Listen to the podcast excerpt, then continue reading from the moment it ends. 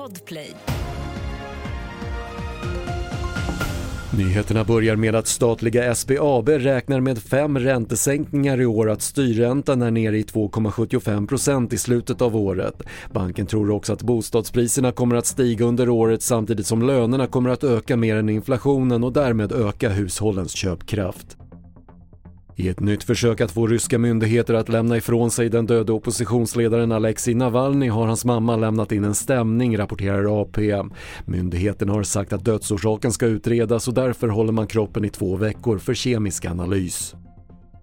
Och många svenskar använde betalappar när de näthandlade förra året trots en nedgång för e-handeln i stort. Enligt Swish som ägs av sex av landets största banker kan det bero på att färre vill handla på kredit. Men när det är tuffare tider då vill man ha kontroll på sina pengar och handla för de pengar man har på bankkontot. Så där är absolut en faktor varför man väljer att betala med Swish i handeln istället för olika former av kreditlösningar. Det sa Urban Höglund, VD på Get Swish. Och fler nyheter hittar du på TV4.se. Jag heter Patrik Lind Lindström.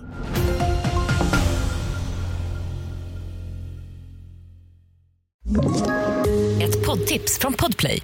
I podden Något Kaiko garanterar östgötarna Brutti och jag, Davva, dig en stor dos skratt. Där följer jag pladask för köttätandet igen. Man är lite som en jävla vampyr. Man har fått lite blodsmak och då måste man ha mer. Udda spaningar, fängslande anekdoter och en och annan arg rant. Jag måste ha mitt kaffe på morgonen för annars är jag ingen trevlig människa. Då är du ingen trevlig människa, punkt. Något Kaiko, hör du på Podplay. Därför är gardinerna.